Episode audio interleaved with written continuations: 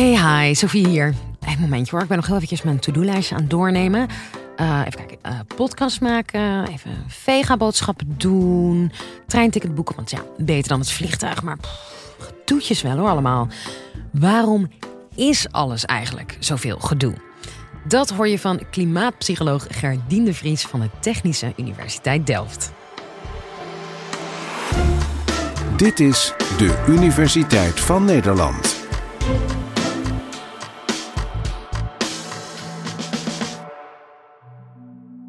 Het leven zit vol met gedoe. Je herkent het vast wel. Je wilt graag gezonder worden en wat strakker in je vel zitten, maar je wil niet constant op je eten hoeven te letten. Of je wilt zorgtoeslag aanvragen, maar je moet eerst uitzoeken waar je dat überhaupt kan regelen, of je bent je wachtwoord voor DigiD weer eens vergeten. Je wilt vegetariër worden, maar je wilt niet voor elk etentje je vrienden vragen of ze zonder vlees willen koken. Of veganistisch, nog meer gedoe. Dit soort zaken belemmeren ons vaak om dingen te doen die we graag willen. Bijvoorbeeld slanker of gezonder zijn, of meer geld overhouden voor leuke dingen. En het ene gedoe is groter en kost meer moeite dan het andere. Maar waar we gedoe echt vaak terugzien, is duurzaamheid. Een steentje bijdragen aan het milieu. Duurzaam leven is pas echt gedoe. Ga maar na. Vaker de trein pakken in plaats van de auto, je huis laten isoleren of overstappen naar groene stroom.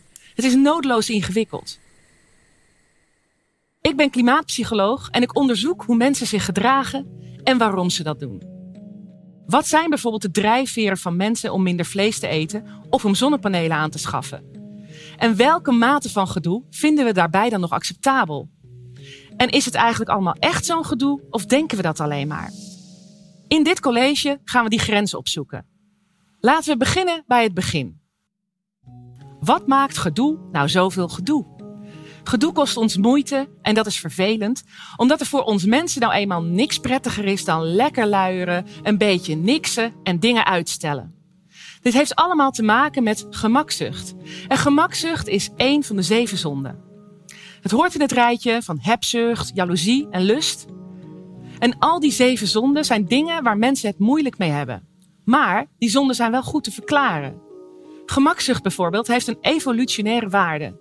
Vroeger, in de oertijd, was het bijvoorbeeld heel belangrijk dat je gedurende de dag niet te veel moeite en energie verspilde. Als je maar één dag per week een succesvolle jacht had en een stuk vlees te eten kreeg, was het wel belangrijk dat je zuinig was op je krachten. Dat is een lichamelijke gemakzucht, energie besparen.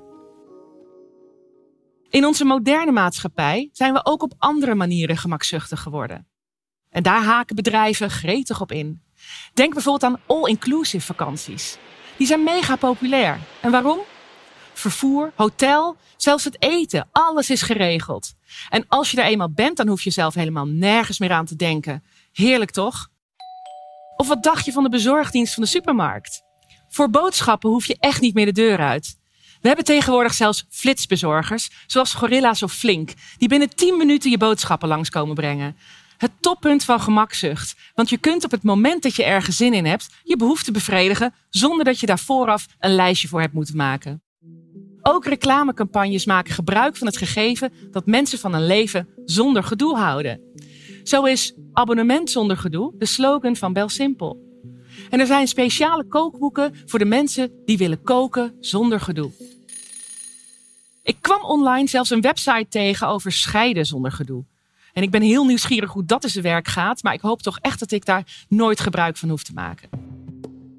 Soms wordt gedoe expres door beleidsmedewerkers ingezet om slechte dingen moeilijker te maken en barrières op te werpen. Bijvoorbeeld bij het kopen van sigaretten. Die zitten tegenwoordig vaak verstopt achter de kassa. Je moet je identiteitskaart laten zien. En de meeste sigarettenautomaten die je vroeger in cafés en clubs zag, zijn verleden tijd. Gedoe kan in dat opzicht dus ook best handig zijn. Maar als het gedoe een gewenst doel in de weg gaat zitten, is het minder handig. Bijvoorbeeld bij een goed voornemen, zoals afvallen of een duurzaam leven willen leiden. We zijn dan geneigd om te zeggen: wat een gedoe, laat maar zitten. En dan behalen we door dat gedoe dat goede, gewenste doel dus nooit. Zelf herken ik dit ook. Ik werk op de Technische Universiteit in Delft. Daar werd een programma opgezet waarbij werknemers gratis een elektrische fiets konden lenen. Dit paste precies in mijn straatje. Want ik woon in Den Haag en ik pak meestal de auto. Ik weet dat dat niet duurzaam is, maar dat doe ik omdat het met de gewone fiets toch net iets te ver is. En met het openbaar vervoer duurt het twee keer zo lang. Maar met een elektrische fiets zou ik redelijk snel en duurzaam op mijn werk kunnen zijn. Kortom, een ideale kans. Ga ervoor, zou je zeggen. Wat let je? Maar helaas, tot mijn eigen teleurstelling deed ik niet mee aan het programma. En waarom dan niet? Ik begreep mezelf niet zo goed. En zoals gezegd ben ik psycholoog. En ik ben zeer geïnteresseerd in het gedrag van mensen en de drijfveren daarvan. Dus ik ben ook geïnteresseerd in mijn eigen gedrag. Ik ging dus over tot zelfanalyse. En ik legde mezelf als het ware even op de sofa om te kijken wat er nu eigenlijk aan de hand was. Het eerste waar ik naar keek bij deze zelfanalyse waren de barrières. Welke motieven zitten er nu eigenlijk in de weg? Is de financiële barrière? Nee, want ik mocht die fiets gratis gebruiken. Is het dan een informatiebarrière, dat ik niet precies wist wat ik moest doen?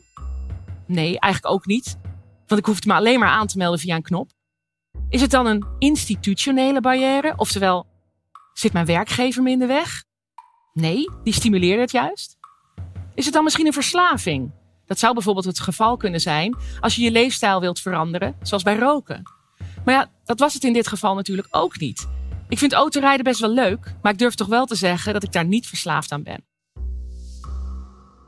Wat dan wel? Het antwoord zal geen verrassing voor jullie zijn. Ik werd geblokkeerd door gedoe. Oftewel een psychologische barrière. Gedoe in mijn hoofd. Ik zag te veel beren op de weg om van mijn oude gedrag, met de auto naar het werk gaan, over te stappen naar dat nieuwe gedrag. Lekker met de elektrische fiets op pad. Om wat voorbeelden te noemen.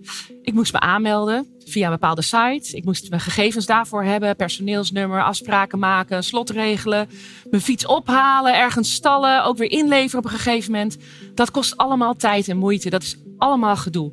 Waardoor ik het maar uitstelde en uitstelde. En uiteindelijk te laat was. En dat is ontzettend jammer. Want eigenlijk was die elektrische fiets overal goed voor. Goed voor mijn gezondheid, goed voor mijn portemonnee. Goed voor het milieu natuurlijk. Ik baal er dus eigenlijk best wel van dat ik dat niet gedaan heb. En ik schaam me ook een beetje. Want ik wil iets, maar ik doe het niet. En het erg is, ik heb eigenlijk geen goed excuus. Dit noemen we ook wel cognitieve dissonantie. Cognitieve dissonantie is de spanning in je hoofd tussen wat je denkt en wat je doet. En in mijn geval was dat de spanning tussen ik wil graag goed zijn voor het klimaat en ik wil graag op de fiets naar mijn werk, maar ik neem toch de auto. Je gedachten en gedrag gaan dus niet samen. En je brein gaat er in dat geval voor zorgen dat die twee wel weer op een of andere manier met elkaar in een lijn moeten komen. Dat het consonant wordt in plaats van dissonant. En dat doet je brein op twee manieren. Je kunt je gedrag aanpassen of je kunt je gedachten aanpassen. Stel je doet het eerste. Je past je gedrag aan. Je gaat ervoor zorgen dat je ook daadwerkelijk doet waarin je gelooft. Dus ik overwin mijn gedachten en ik ga die elektrische fiets pakken. Misschien denk je nu, ja, uh, logisch. Maar je gedrag aanpassen en je gedachten overwinnen is helemaal niet eenvoudig. Het is vaak veel makkelijker om je gedachten aan te passen.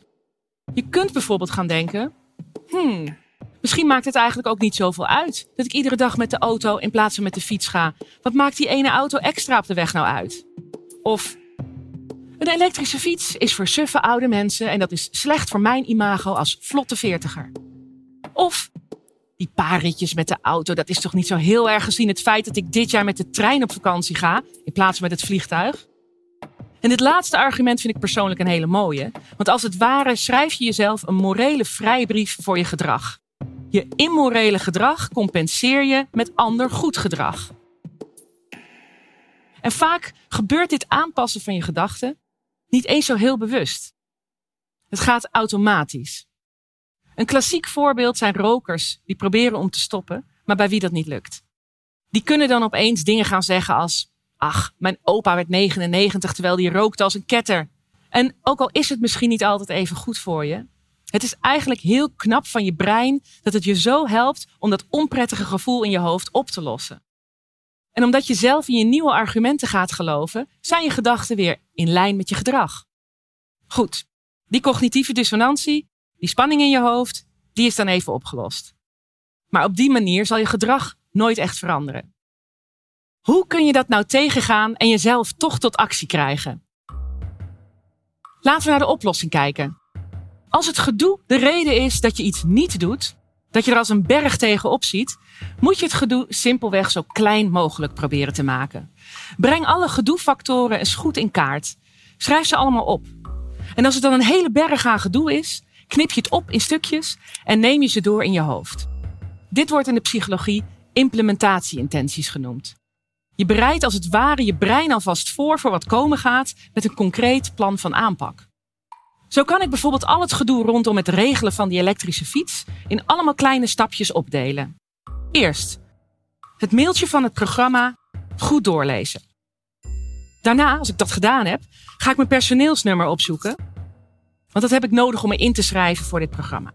Tot slot ga ik me aanmelden. Dit zijn eigenlijk allemaal kleine stapjes van één minuutje werk. En dan valt het allemaal reuze mee met dat gedoe. Ik geef toe dat dit elektrische fietsvoorbeeld misschien niet het voorbeeld is van wat het meeste gedoe oplevert in een mensenleven. Soms wordt het gedoe een stuk complexer. Zoals ik al in het begin noemde, bij het verduurzamen van je huis bijvoorbeeld. We weten uit onderzoek dat er een aantal fases zijn waarin je gedoe ervaart. Het begint al bij de oriëntatie en het zoeken van informatie. Welk type huis heb je? Woon je in een appartement? Of misschien in een vrijstaand huis? Is het een huurhuis of heb je het gekocht? Is er een woningcoöperatie bij betrokken? Dan is er vaak nog meer gedoe. Je moet ook op zoek naar een aannemer. Wie is er nou eigenlijk betrouwbaar of niet? En vervolgens moet je dus allerlei informatie opzoeken van wat er voor technologie bij jouw woning past. En vaak zie je door de bomen het bos niet meer. En dan begint het echte werk pas echt. Want wat ga je dan precies doen? Ga je bijvoorbeeld investeren in zonnepanelen op je dak? Dan heb je die zonnepanelen, maar misschien wil je dan ook wel isolatie. Je wil misschien wel je dak isoleren. En dan gaan we kijken, wat kunnen we nog eigenlijk meer doen in huis? Misschien wil je wel elektrisch koken in plaats van op gas. Dan wil je misschien wel een warmtepomp installeren. Dat is eigenlijk allemaal gedoe. Je ziet het, er komt ontzettend veel kijken bij het verduurzamen van een woning. En het wordt ook al heel snel heel ingewikkeld. Je huis in één keer verduurzamen is dan ook bijna niet te doen. Het is te duur, het geeft te veel rommel, ik kan geen aannemer vinden, ik moet vrij vragen. Allemaal gedoe. Daarom is het beter om elke klus als een apart doel te zien. Opknippen in stukjes. Als je het in kleine taken opdeelt, is het en overzichtelijker. En dan zal je brein minder makkelijk een excuus kunnen bedenken om het niet te doen. Je kunt zelf dus wel heel veel doen om die hoeveelheid gedoe in je leven te verminderen. Maar er ligt ook zeker een opdracht bij de overheid en bij beleidsmakers. Zij kunnen duurzaam gedrag motiveren door het zo makkelijk mogelijk te maken. Denk bijvoorbeeld aan subsidieaanvragen voor zonnepanelen of isolatiemateriaal. Die kunnen echt makkelijker. Net zoals een belastingaangifte zou een subsidieaanvraag al zoveel mogelijk vooraf ingevuld kunnen zijn. Bijvoorbeeld met je woont in deze deze straat, in dit type huis, dan is er dit en dit allemaal mogelijk voor jou. Als je dit en dit aanvinkt, dan krijg je zoveel subsidie. En dat is dan zoveel procent van je aanschafprijs. En dan kan je het insturen. Dan komt je aanvraag direct bij het juiste loket. En misschien krijg je ook wel gelijk een aannemer erbij die betrouwbaar is. En dan is het supergoed geregeld. Als je dat doet, zou dat zoveel helpen. Kortom, het leven is vol met gedoe. Maar daar kunnen we zeker mee leven. Zodra iets moeite of tijd kost, hebben we er al niet zo snel zoveel zin meer in. Want zo zijn we nu eenmaal geprogrammeerd. Maar dat is op zich niet erg. Maar we moeten soms dan ook een beetje realistisch blijven. Niet alles hoeft ons zomaar in de schoot geworpen te worden. Sterker nog, je voelt je vaak zelfs een beetje trots als het allemaal gelukt is. Je hebt het gedoe immers overwonnen en tegelijk je doel behaald. En zeker als het om duurzaamheid gaat, kan het je ook gelukkig maken om iets goed te doen voor de wereld. In dat opzicht dient gedoe, net als gemak, de mens. Dat was Gerdien de Vries. Hey, en uh, ben jij eigenlijk al geabonneerd op onze podcast? Klinkt misschien als gedoe, maar valt best wel mee. Ga naar ons kanaal en klik op abonneren. Vinden we leuk. Dankjewel en tot de volgende.